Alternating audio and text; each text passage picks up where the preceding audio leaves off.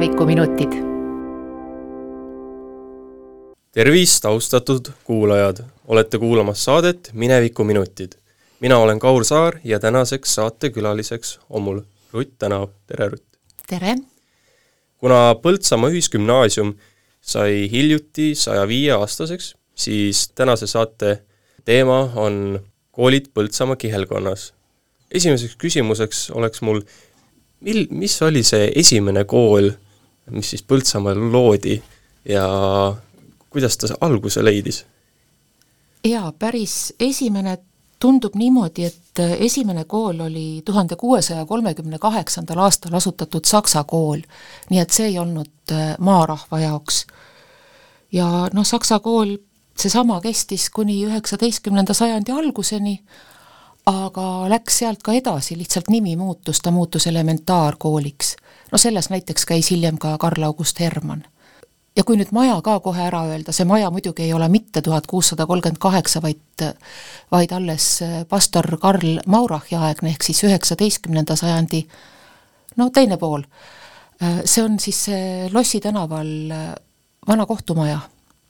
et see oli saksa kool aga kui alguse poole tagasi minna, siis tuleb hoopiski selline lugu, et kool, mida ei tulnud. Äh, tuhande kuuesaja kaheksakümnendal aastal oli siin äh, mõisa prouaks Kristiina von Vasaburg, noh õieti abiellunud ta oli Wrangeliks, aga, aga kuna Vasaburg oli tema Rootsi kuningast põlvnemise tõttu, siis ta jäeti ikkagi ajalukku pigem Vasaburgi kui Wrangeli nimega. Ja tema oli lubanud maksta talurahva kooli õpikute eest, õpilaste söögiraha lubas maksta, köstrile lubas palgaraha maksta, aga maarahvas ei saatnud ühtegi õpilast kooli. nii et seda kooli ei tekkinud, ehkki kõik tingimused olid justkui loodud. aga muidu tuhande kuuesaja kolmekümnendatest põhiline lugema õpetamine ju hakkas aga koolid tekkisid äh, pärast äh, Forseliuse seminari esimest aastat. et tuhat kuussada kaheksakümmend kuus, kaheksakümmend seitse on see õppeaasta, mil Lõuna-Eestis avati üksteist kooli ja Põltsamaa oma sealhulgas. Põltsamaale oli siis Forseliuse seminarist tulnud üks laiuselt äh, pärit talupoiss Tõnu. et Laiuse ja Palamuse kant oli kuidagi rohkem haritud kui sa selle Forseliuse seminari läbisid, siis mis see eelnev haridus pidi olema, et sa siis saaksid seda esimest ja teist klassi siis õpetada, kuna vist tolles koolis oli, on ju, kaks klassi ainult? jaa, aga ma ei olegi kindel, kas saigi olla, sest enne seda nad võisid olla ka kodus õppinud, et abc raamatud ehk aabitsad olid varem juba olemas, katekismus, eesmärk oligi lugema õppida, et nad võisid jah, nende eesmärk oligi luua koolid. ehkki oli muidugi linnakoole lausa kolmeteistkümnendal sajandil on Eestis esimesed koolid olnud Toom- ja kloostrikoolid, aga loomulikult linnades, ehk siis kõige tähtsamates linnades ja kloostrite juures.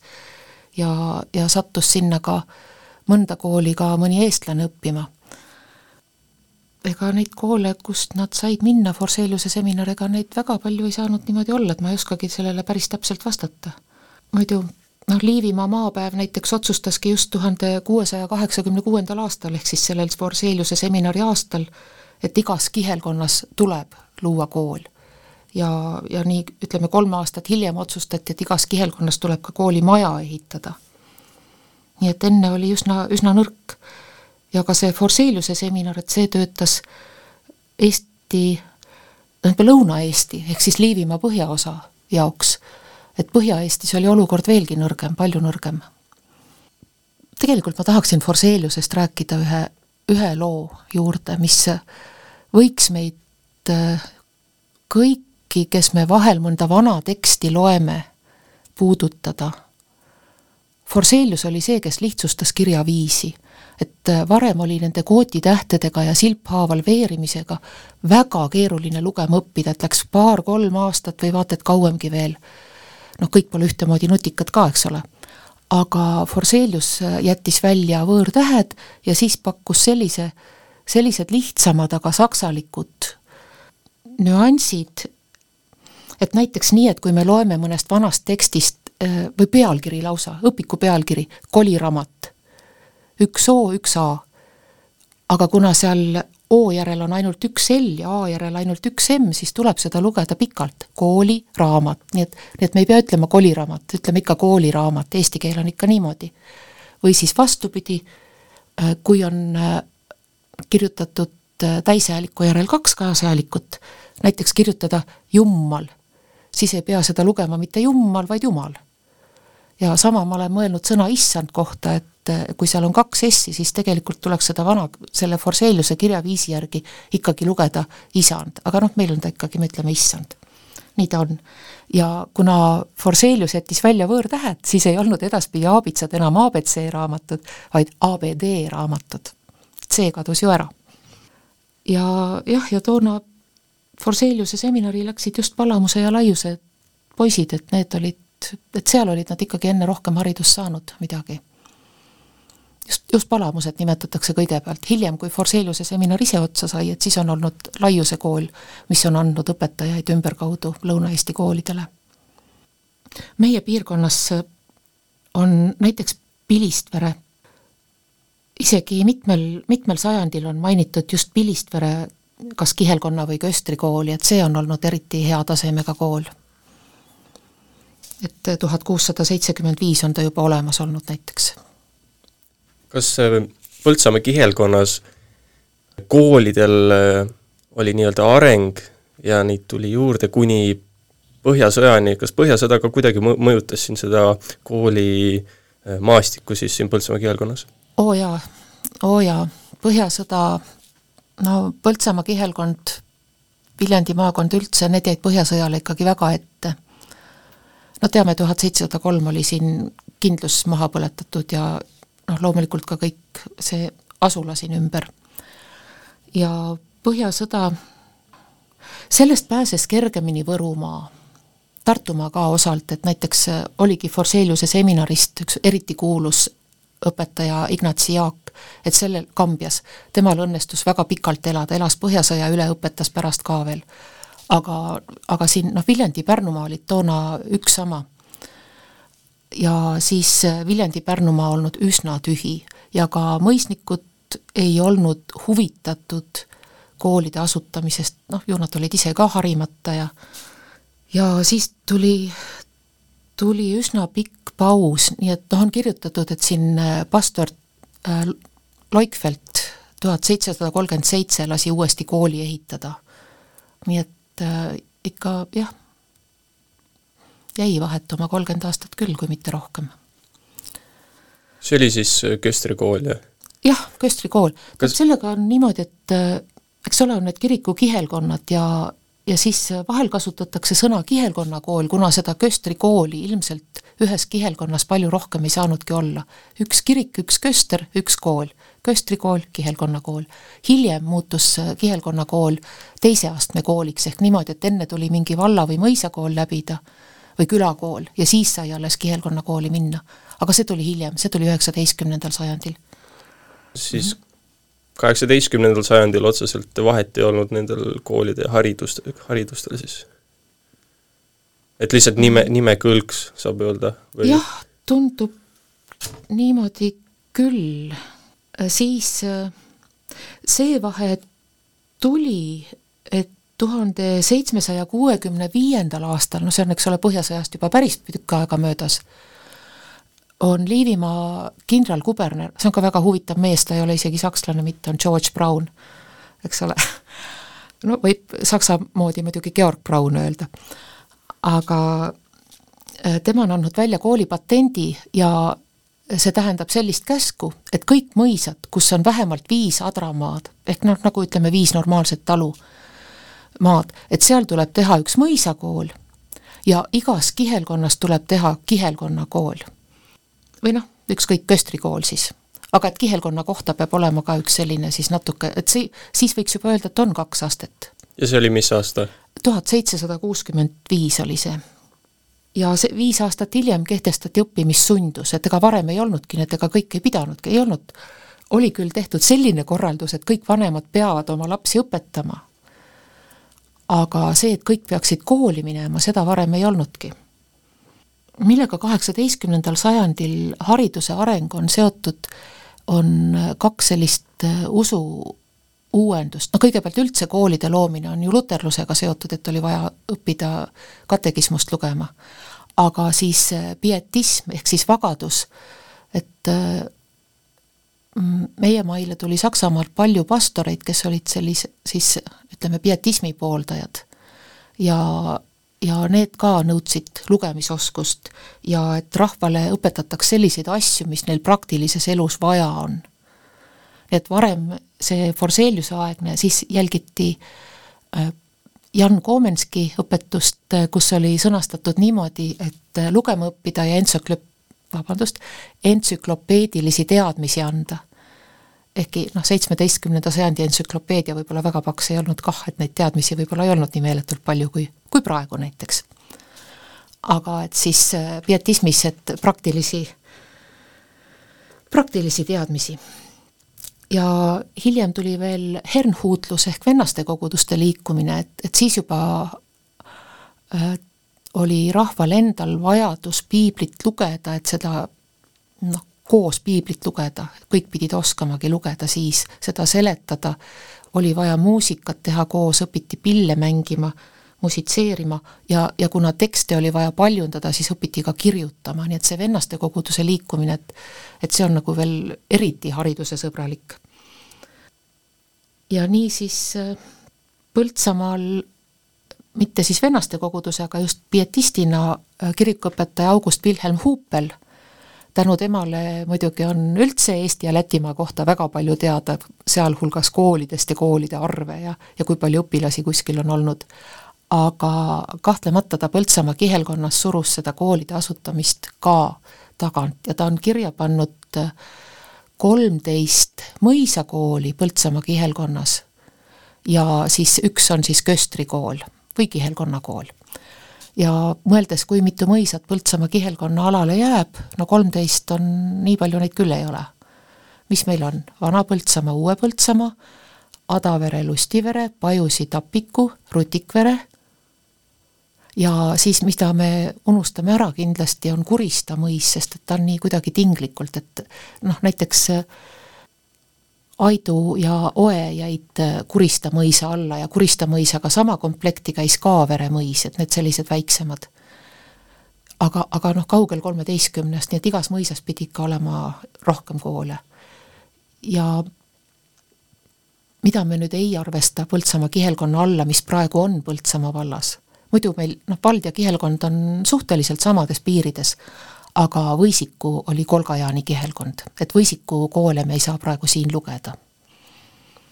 mis see protsent oli, palju siin Põltsamaa kihelkonnas kirjaoskajaid oli, on seda teada üldse? on küll, jaa. see oli,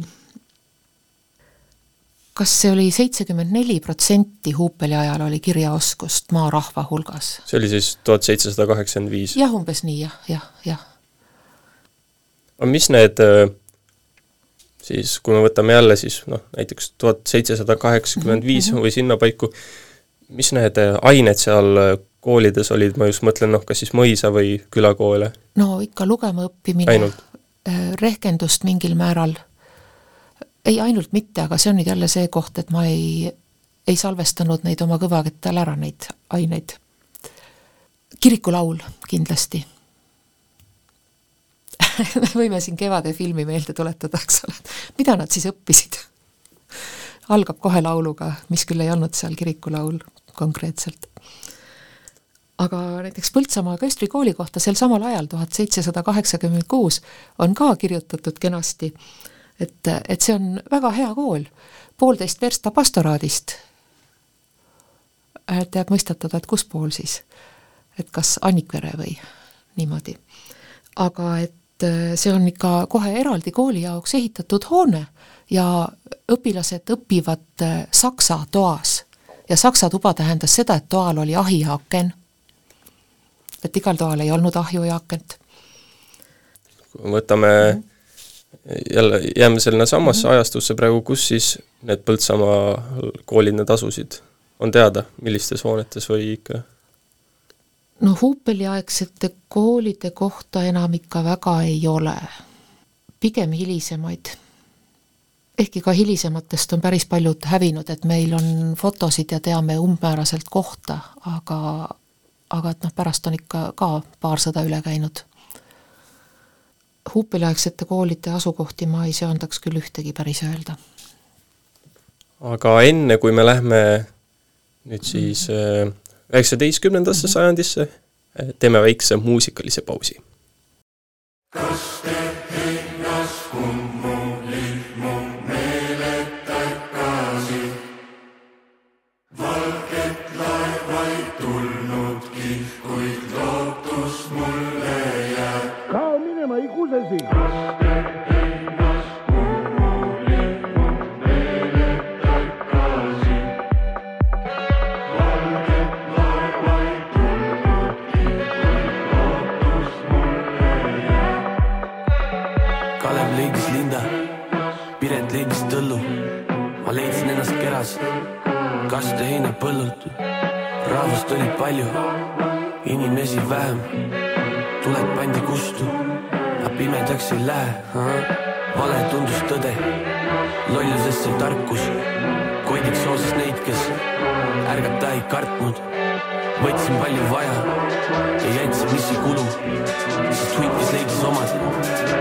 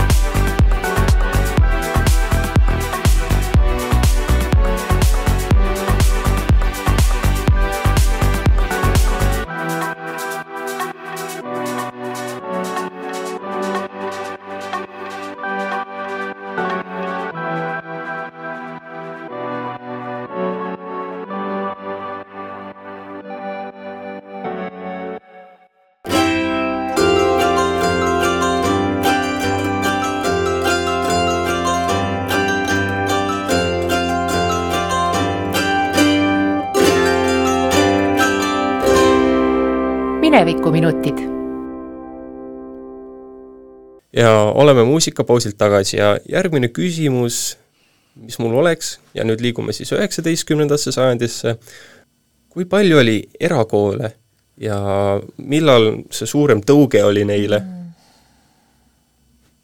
õigupoolest Põltsamaal ma ei teagi erakoole enne, kui alles üheksateistkümnenda sajandi lõpus Eva Puhki ja siis ja mis selle Preili graafi eesnimi oligi, Preili graafi erakool. Kas see oli see meditsiinikool või ei, ei, ei olnud see? mitte.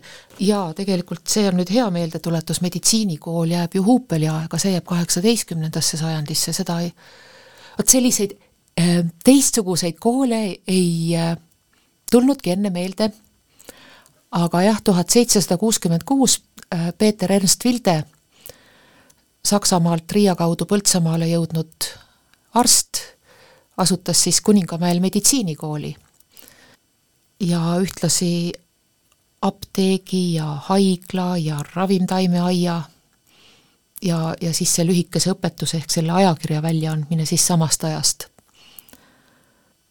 aga üheksateistkümnendal sajandil pigem ma tu-, ma tuleks veel selle meditsiinikooli juurde, kas ja. siis seal saigi nii-öelda Põltsamaal sai õppida apteekriks ja noh, apteeker ju tolle aja kohta oli üsna mm. suursugune amet siis?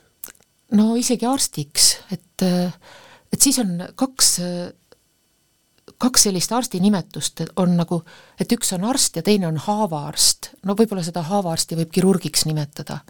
et kuna haigla oli asutatud, siis haigla juures doktor Vilde ise õpetas noormehi, no ilmselt noormehi ainult, jah, tegema kõike seda, mida ta ise oskas. ja Vildel no Vilde oleks tahtnud ka õpetada kõike ja kui nüüd siin mõne sõna rohkem kulutamegi temale, siis ta oleks tahtnud lausa ülikooli Kuningamäele asutada. aga ühelt poolt jäi tal elupäevi väheks ja teiselt poolt said mõisaomanikul ka rahad läbi, et noh, teame, et lossis pankrot oli lõpuks. aga ta tegeles ka majandusküsimustega, majandusühing, no ökonoomiline sotsioteet taoline asi oli asutatud. ja andis Kuningamäel trükikojas välja mitte ainult meditsiinilisi, vaid ka majandusalaseid kirjatükke ja, ja no ikka eesmärk oli õpetada, õpetada, õpetada. aga Põltsamaal siis erakoolid olid pigem selline üheksateist sajandi lõpu jah, ma ei, ma ei oskaks neid väga tähtsustada tõesti, et pigem jääb ikkagi nagu koguduse ja, ja kiriku teemaks see koolide asi jaa, üks erakool, see on nüüd küll täiesti, täiesti erakool, kui Adavere mõisas asutati Eduardi kool ja see on nüüd üheksateist sajand küll. ja see oli niimoodi, et, niimoodi, et äh, Põlt-, vabandust, Adaveres äh, alates tuhande kaheksasaja neljakümne kuuendast aastast oli omanikuks äh, Eduard von Stackelberg aga äh, suri, oli hea härra, suri noorelt ära paraku, see ei ole tema hea pool. aga tema vend Otto Karl von Stackelberg, äh, kes sai järgmiseks mõisaomanikuks, otsustaski asutada Eduardi mälestuseks kooli. Ja see kool pidi olema nüüd selline vaheaste, et esiteks ta ei olnud külakool ega mõisakool, tema oli juba nendest järgmine aste ja, ja sellest Eduardi koolist edasi pidi saama minna kas Grace äh, kooli või seminari, noh seminar oli see valdavalt siis õpetajate koolitamise koht. ja see Eduardi kool äh, sai asutatud tuhat kaheksasada kuuskümmend kaheksa, mõis ehk siis Stackelberg ehitas kivihoone, ehitas kõrvalhooned andis kahe talu jagu maad, millega siis majandada, et õpetaja saaks oma sissetuleku ka. et enamasti õpetajatel olidki ju, koolitalud olid, et nad pidid oma eluga kuidagi nii hakkama saama, et talu ka pidada. ja, ja kõige suurem õpilaste arv, mis selles koolis oli, oli korraga kolmkümmend üheksa. ja see oli siis umbes niimoodi, et äh, kaks kolmandikku poisid, üks kolmandik tüdrukud, et ka tüdrukud said siis kooli ja äh, viis aastat lubas härra ise seda kooli täielikult üleval pidada. ja, ja lisaks pani ta siis äh, tuhat viissada rubla, mis oli toona kindlasti väga suur raha, intressi peale. et siis kooli peetakse selle noh, nagu hoiuse intressidest edaspidi üleval, nii et ta noh, mõtles ikka pikema tuleviku peale. et tema venna Eduardi mälestus jääks püsima. aga Stackelbergid ise ei jäänud püsima ja tuhande kaheksasaja seitsmekümne kuuendast aastast läks äh, Adavere mõis von Vaalide perekonnale. no seesama perekond, kes on siis Pajusi ja Lustivere ja Tapiku ja niimoodi. ja äh, siis ei läinud koolil enam nii hästi, ehkki no vahepeal oli ta kinni, vahepeal tehti jälle lahti, sest noh, miks, mis läheb vaalidele korda, üks Stackelberg, et noh, pole ju oluline. ja, ja see kaks, kahe talu jagu põllumaad, selle tahaks ka ikka tagasi saada mõisale. ja noh, lõpp oli Eduardi koolil tegelikult alles tuhande üheksasaja kümnendal aastal, kui ta tehti tavaliseks mõisakooliks, ehk siis langes nagu aste allapoole. et see on siis kusagil Adavere mitte päris keskuses, mitte mõisa juures, vaid kuskil natuke ka eemal. et, et see nüüd küll on ju erakool ja sellest äh, üldse Adavere kandi koolidest äh, Lea Teedemaa on kirjutanud ja on siis äh, väike trükis, brošüür on ka olemas, kus saab seda kenasti lugeda. ja no muidu, muidu koolide kohta varasema aja koolide kohta põhiandmed on Lembit Andreeseni raamatutes, neid on päris palju välja antud erineval ajal, erineva paksusega, erineva põhjalikkusega, et et raamatukogust saab selliseid asju küsida, kui miski täpsemalt huvitab. aga pigem, pigem üheksateistkümnendal sajandil räägiks sellest, et muutused tulid seoses pärisorjuse kaotamisega Liivimaal tuhat kaheksasada üheksateist ja ja mis iganes muutusid siis, siis toimusid, aga võib-olla kõige meeldejäävamad nendest puudutasid kooliõpetajat. Kooliõpetajat ei tohtinud enam võtta sõjaväkke, järelikult varem tohtis. kooliõpetajale ei tohtinud anda enam ihunuhtlust, et varem võis siis nagu õpetaja ka vaese omaks peksta. ja õpetaja ei pidanud enam pearaha maksu maksma. et noh, hea seegi. ja no üheksateistkümnendal sajandil koole oli ikkagi päris palju, et äh, siis oli juba Viljandimaa, mitte enam Viljandi-Pärnumaa, et Viljandimaal kokku seitsekümmend neli koolimaja on äh, loetud üheksateistkümnenda sajandi keskel. ja samas äh, ei jõutud õppevahenditega järele. on kirjutatud näiteks, et Palamuse ja Pilistvere koolides kirjutati liiva peale et, et niimoodi tuli kirjutamist õppida, et kirjutad liiva peale. ja umbes samal ajal otsustati ka ära, et Kihelkonna kool on nüüd ikkagi teise astme kool, et sinna otse ei saa. ja noh, see andis võimaluse avada uusi Kihelkonna koole, et kohe päris ametlikult Kihelkonna koolid, esimene Eestis oli Kanepis, see oli juba tuhat kaheksasada neli, aga et Põltsamaa on siis olnud tuhat kaheksasada kolmkümmend viis. Ja esimese hooga töötas Mm, ainult neliteist aastat, et seal sõltus õpetajatest ka, kes oli võtta, et noh, Köster enamasti kooliõpetajaks, et seal olid siis see kuulus Martin Vilberg näiteks, see segakoori asutaja. üheksateistkümnenda sajandi kesk, keskel kas äh, oli juba mingi suurem äh, nõudmine, et pead juba käima näiteks kolm või neli aastat koolis või oli ikka see, et kaks aastat lugemine ja äh, kirjutamine, arutamine mm. või kuidas? No kindlasti läks rohkemaks, sest kui ma nüüd meelde tuletan, mis aineid õpiti Põltsamaa kihelkonna koolis, seal võis neid juba tulla loetelu kümne kanti.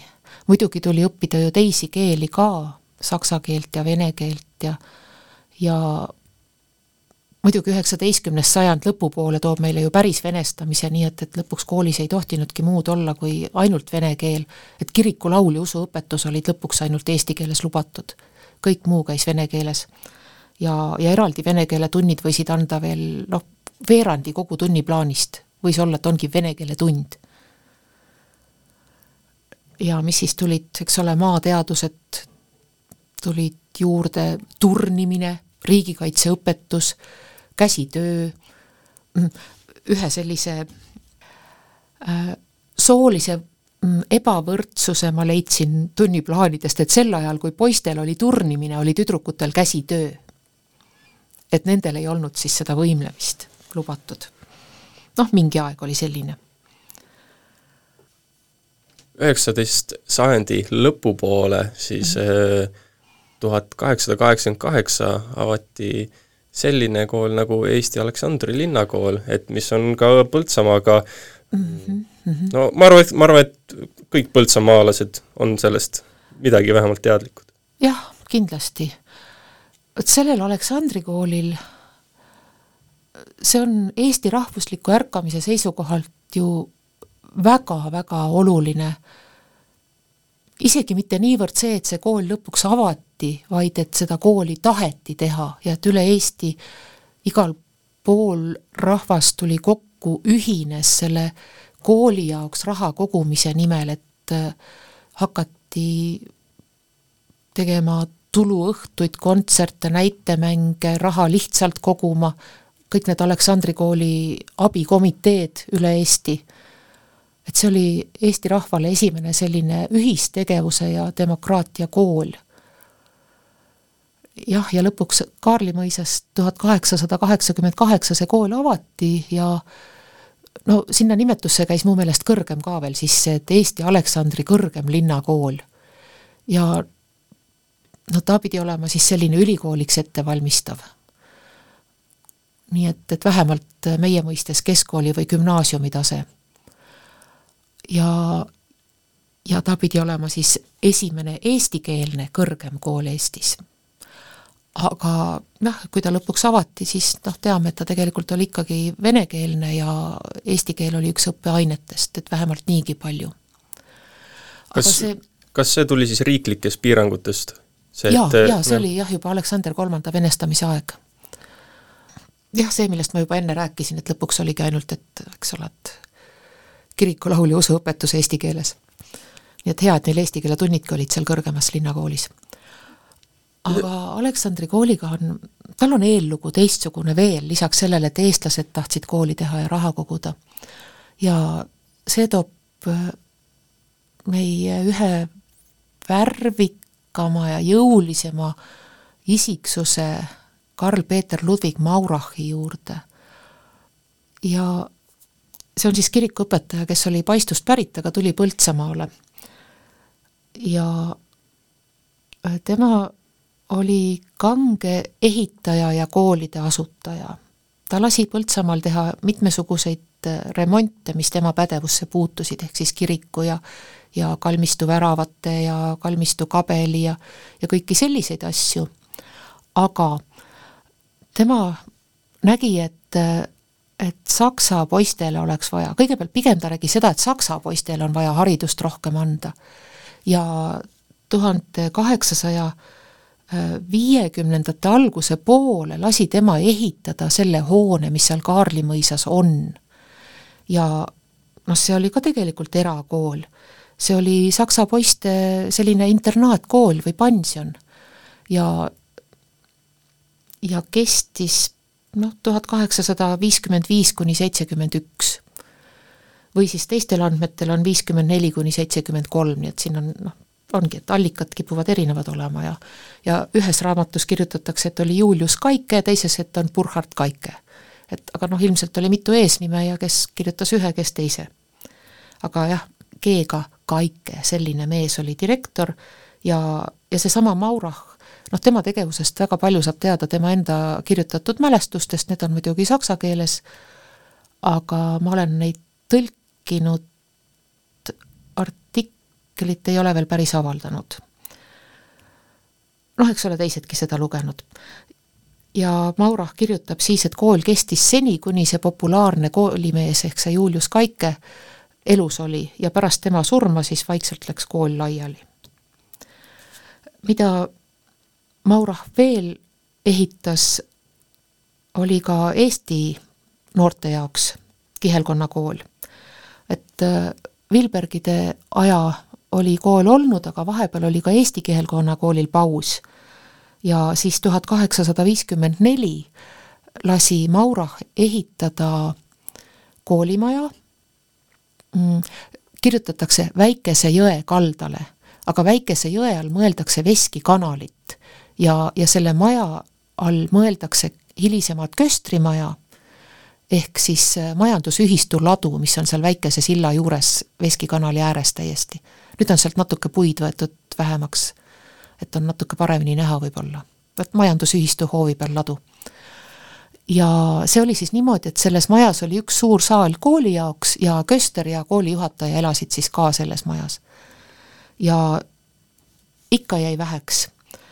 Nii et tuhat kaheksasada seitsekümmend üks ehitati see Jõe tänav kolm, see roheline, heleroheline maja õigeusu kiriku vastas, see koolimajaks ja seda oli veel mitu korda laiendatud kah. nii et, et sinna sai siis see päris õige kihelkonna kool, see Gustav Beermanni kuulus kihelkonna kool, mis valmistas ka õpetajaid ette ja valmistas ka ette ülikooli astumiseks. ja see jah, seal oli kuni sada nelikümmend õpilast. aga põles ära kaheksakümne viiendal, tuhande kaheksasaja kaheksakümne viiendal aastal. ja siis oli jälle Eesti koolil tühi koht. kui palju üldse mm -hmm. nii-öelda eestlastel oli võimalik seda gümnaasiumiharidus siis saada, noh kui me mm -hmm. praegu välistame siis selle mm -hmm. Eesti Aleksandri kooli, et enne seda, kas oli üldse mingisuguseid mm -hmm. võimalusi? Kindlasti, aga siis mitte Põltsamaal. ja no võib-olla tuleb siin nüüd jällegi natukene seos selle teemaga, mida me ju ka teame, et haritud eestlased, nende kodudes räägiti saksa keelt, olgu siis Greifswald või noh, muidugi ka Beermannide perekond, et äh, võid õppida saksakeelsetes koolides või nagu Karl August Hermann, väga andekas, aga väga vaene poiss, kelle Maurah pärast kihelkonna kooli suunas just sellesse saksa elementaarkooli õppima. et tema töö läks sealt edasi. kui kaua Eesti Aleksandri Kõrgem Linnakool mm -hmm. siis äh, tegutses? no sellega oli nii, et äh, tuhande üheksasaja viienda aasta revolutsioonis osalesid aktiivselt ka Aleksandri kooli õpilased, no mõneti võib-olla ka õpetajad. et seal põletati usuõpetuse raamatuid ja keisrihärra pildiga olevat inetusti käitutud, nii et nii et äh, tuhande üheksasaja kuues aasta ja, ja siis oli lõpp sellel koolil ja edaspidi avati Põllude kool Kõos, nii et siis Kõo ja hiljem Olustvere on lugenud ennast Aleksandri kooli õigusjärglasteks. Aga Põltsamaal avati siis hoopis kahekümnendatel tööstuskool, et siis oli see, et metallitöö ja puidutöö ja sellised asjad. et siis ta oli jälle poistekool. ja noh, tüdrukud said hiljem endale kördiööbiku kooli, kodutööstuskooli, ehk siis jah, et kudusid körti ja laulsid nagu ööbikud Põltsamaalt siis kadus äh, gümnaasium ära, millal see järgmine ajahetk oli, kui gümnaasium nii-öelda siis loodi või jah, tekkis? kui me seda linnakooli tõesti gümnaasiumiks võime nimetada, siis mm, siis oli tuhande üheksasaja seitsmeteistkümnendal aastal, et jällegi revolutsioon, esimene maailmasõda, ümberringi käib sõda, siin on venelased, seal sakslased, punased ja sakslased, punased ja sakslased, ja Põltsamaal eestlased otsustavad keskkooli teha. ümberringi on sõda, aga nemad teevad keskkooli, et noh, nagu selline suhteliselt nagu uskumatu asi, et, et nad suutsid tegeleda hoopis haridusküsimustega. kuidas see luba saadi või, või noh, keerulised ajad olid, et äh, kellelt, kas kellelt siis saadi või kuidas see no kõigepealt see lootus oli seotud ilmselt äh, Venemaal olnud ajutise valitsusega, et oli juba ikkagi noh, see oli ainukene demokraatlik valitsus Venemaal või kuidas, mõneks ajaks. ja loodeti luba saada gümnaasiumi asutamiseks, selleks moodustati no tegelikult keskkooli, siis öeldi keskkool, keskkooli asut-, kasutamise ja ülevalpidamise selts, seal olid eesotsas äh, algkooli juhataja Jaan Peterson ja, ja siis tema hea sõber Ferdinand Rusi, kes oli siis parasjagu Kihelkonna kooli juhataja, algkooli ja, ja siis hiljem selle noh, Kördi ööbiku maja boss. Ja aga seltsi registreerimine võttis jällegi aega, et seda, no ega ei tehtud ikka liiga lihtsaks, seda kooli asutamist ja, ja siis äh, ei jäänudki eriti muud üle või vähemalt siis Jaan Peterson, äh, nagu öeldakse, viskus ambrasuurile ja võttis äh, keskkooli asutamise loa omaenda nimele. nii et selles mõttes võib seda eragümnaasiumiks nimetada küll, mõneks ajaks ja ise, ta oli algkooli juhataja, ta oli Põltsamaal algkooli juhataja üle neljakümne aasta. Aga ta jah, siis ajutiselt kuni uue juhataja leidmiseni ka keskkooli juhataja ja ise õpetas ajalugu. muidu oli muusik- ja koorijuht. kas Esimesel maailmasõjal oli selle gümnaasiumiga äh, siis veel mingisuguseid suuri mõjutusi või pigem ei olnud? jaa, no Esimesel maailmasõjal no võib-olla üks eeldus oli see, et äh, Schmidti majja, no praegu võib vist öelda Schmidti maja, kõik saavad aru. suur kiri on ka maja peal, nii et ei ole nagu küsimust, et kuidas peaks seletama, mis maja see selline on. et sinna Schmidti majja oli asutatud äh, kõrgem algkool ja maailmasõja tõttu evakueeriti see kool ära, aga et õnneks ainult asjad, inimesed jäid alles et see keskkooli asutamine oli, oligi seotud sellega, et eeldus oli nagu olemas. Ühes majas oli juba kõrgem algkool, kust oleks paras olnud edasi minna keskkooli. nii et äh, jah, aga et seda algkooli muidugi tagasi ei saadud, ütleme selle varandust ei saadud ka tagasi. jah, ja siis oligi, mõnda aega käis töö Schmidti majas aga edaspidi Esimese maailmasõja, Vabadussõja tulemus oli ju, et mõisad võeti mõisnikelt ära ja riigile ja mõisa hoonetesse väga-väga paljudesse just asutatigi koolid.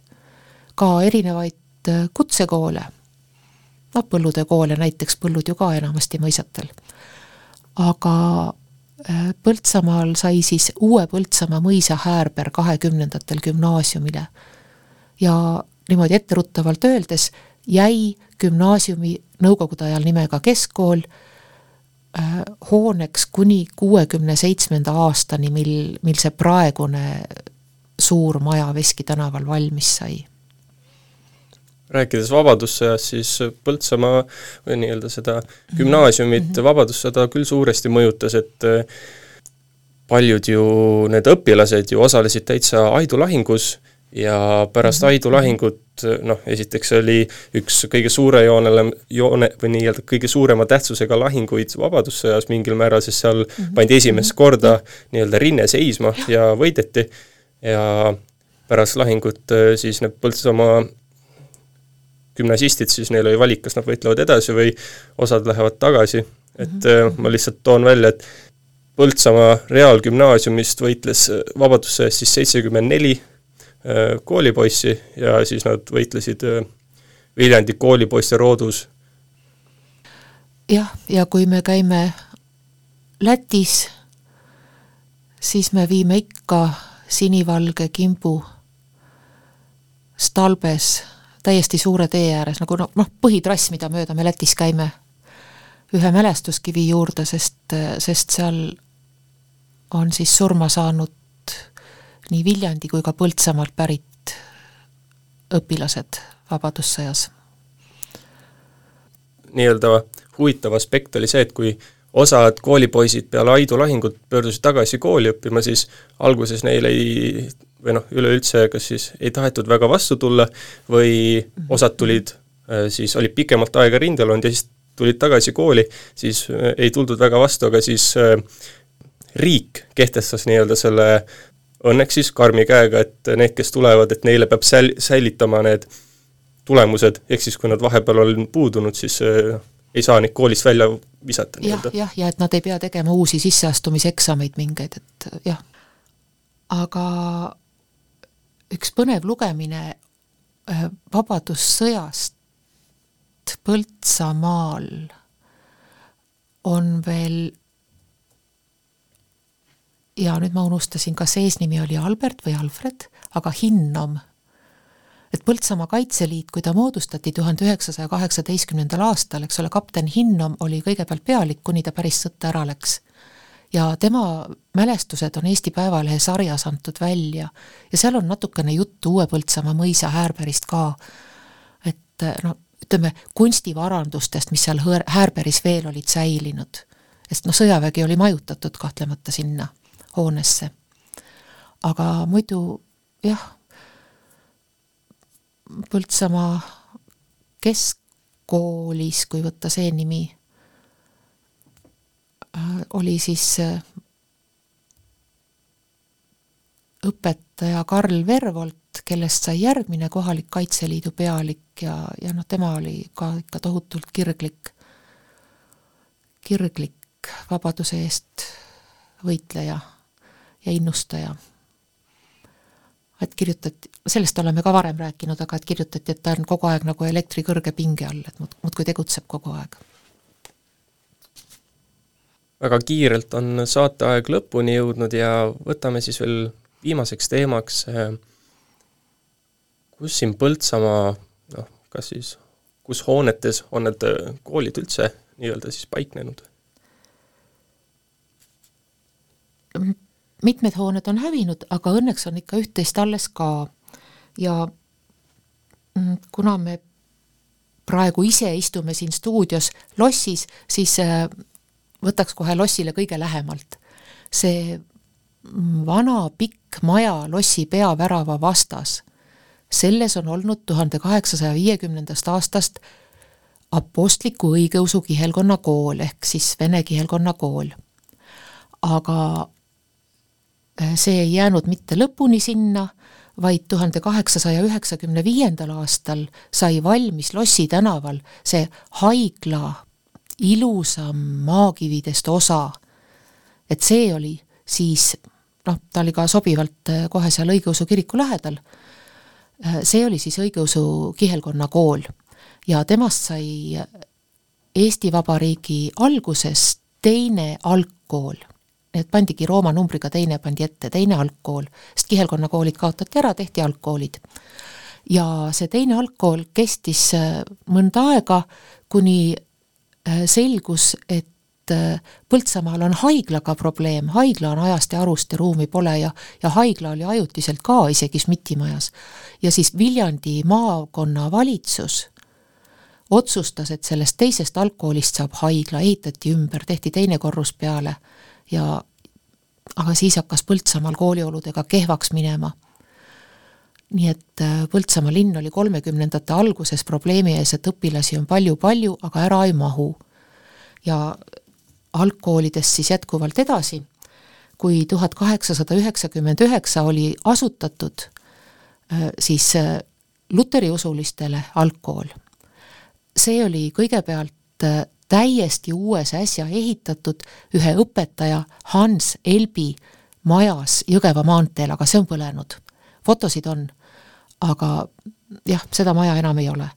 nii, tuhat üheksasada kaheksa koliti see algkool, no selle juhataja oligi siis see Jaan Peterson, see, kes oli gümnaasiumi asutaja ja algkooli pikaaegne juhataja ja, ja lõpuks kolmekümnendatel perekonnanimega Põldra. Koliti ühe teise endise õpetaja, Juhan Meini majja Aia tänaval. no see on seal kusagil raamatukogu lähistel, seda maja ka ei ole, nii et need mõlemad läksid Teises maailmasõjas.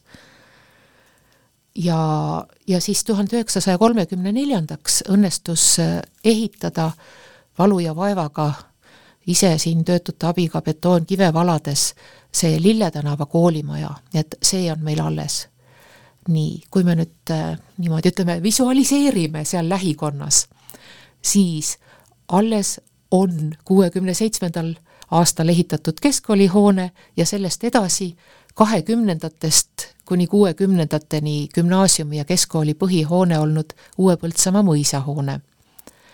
nii, Annikveres on alles maja, kus on kool olnud, tegelikult ka Võisiku tee ääres, aga jah, Võisikust me ei pidanud praegu rääkima, et kuna see ei ole ei ole see kihelkond. siis äh, nii, Lustiveres oli pikka aega kooliks vanaproua maja, see on täiesti olemas.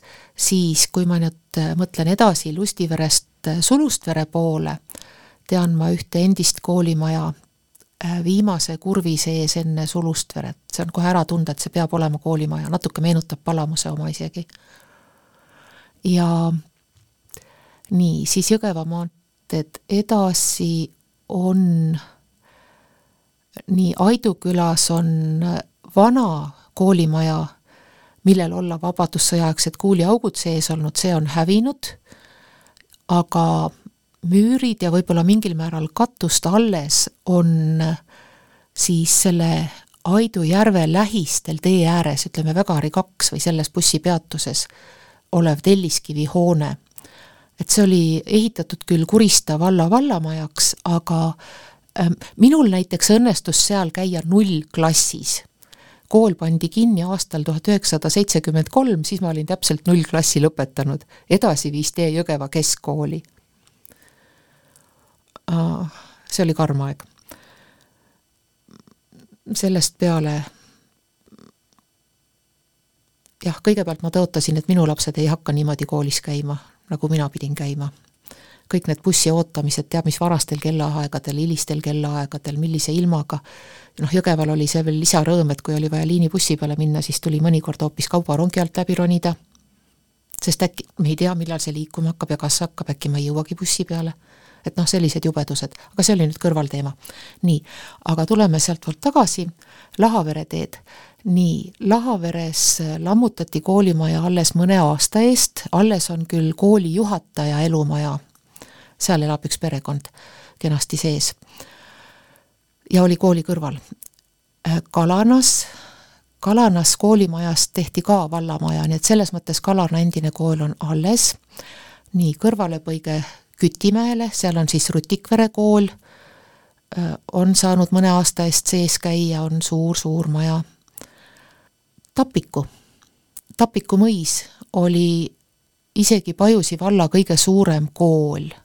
nii et äh, Kalanast ja Pajusist saadeti Tapikule õpilased õppima.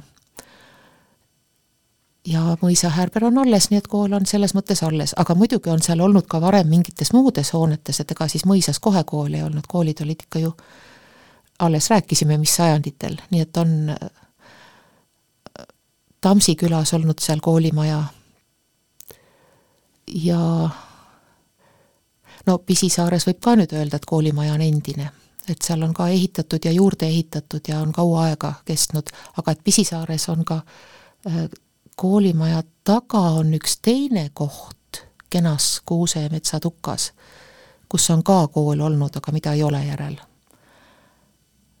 ah jaa, ja Adavere mõisas on muidugi ka ju kaua kool olnud ja Eduardi kool on siis seal kusagil lähedal olnud, aga sellest ma nii täpselt ei tea, et kus ja kas sellest, kas see on tühi koht või ei ole. jah, aga tuleks nüüd korraks jälle linna tagasi, lõi, lõi silme ette äh, jälle see Lossi tänava saksa kool, vot sellega oli niimoodi, et et Maurach oli ta ise ehitanud oma kulul ja lõpuks oli ta sellega hädas kui kool ikkagi ei pidanud kaua vastu ja, ja laenuga ehitatud maja jäi Maurachile kätte, aga temal oli hea sõber, Uue Põltsamaa Lilienfeld ja see Lilienfeld aitas ta hädast välja ja siis oligi, et Lilienfeldi kulul siis sai sinna ilmselt see saksa klubi. nii et see ka koolimaja. Kaarli mõisa koolimaja muidugi ja siis rohkem praegu meelde ei tule. ah, vabandust, muidugi tuleb meie ähm, Eesti üldajaloo seisukohalt kõige-kõige olulisem hoone, Jõe tänav, roheline maja, Põltsamaa kihelkonna kool, endine, milles on õmmeldud esimene Eesti sinimustvalge lipp. ning siis selle kooli õigusjärglasena natuke hiljem ehitatud Kördi-ööbiku maja, mis siis lõpuks oli tüdrukute selline mm, kodutööstuskool. nii et lõpetame kõige uhkematega. ja lõpetuseks lugemissoovitus ka. Äh, väga palju praegu räägitust pärineb Heli Aiaotsa koostatud äh, raamatust, mille ta andis välja gümnaasiumi sajanda aastapäeva puhul ja, ja soovitan tõesti seda raamatut kõigile. sealt saab veel palju-palju teada ja, ja mis on eriti tore, seal on vilistlaste mälestusi, väga värvikaid lugusid, kindlasti saab olema põnev lugemine. kui keegi juhtumisi ei ole veel seda raamatut läbi lugenud. sellega siis meie saade on läbi saanud, minuga siin oli Rutt Tänav, aitäh sulle! aitäh! ja mina olin Kaur Saar sellega minevikuminutid lõpetavad.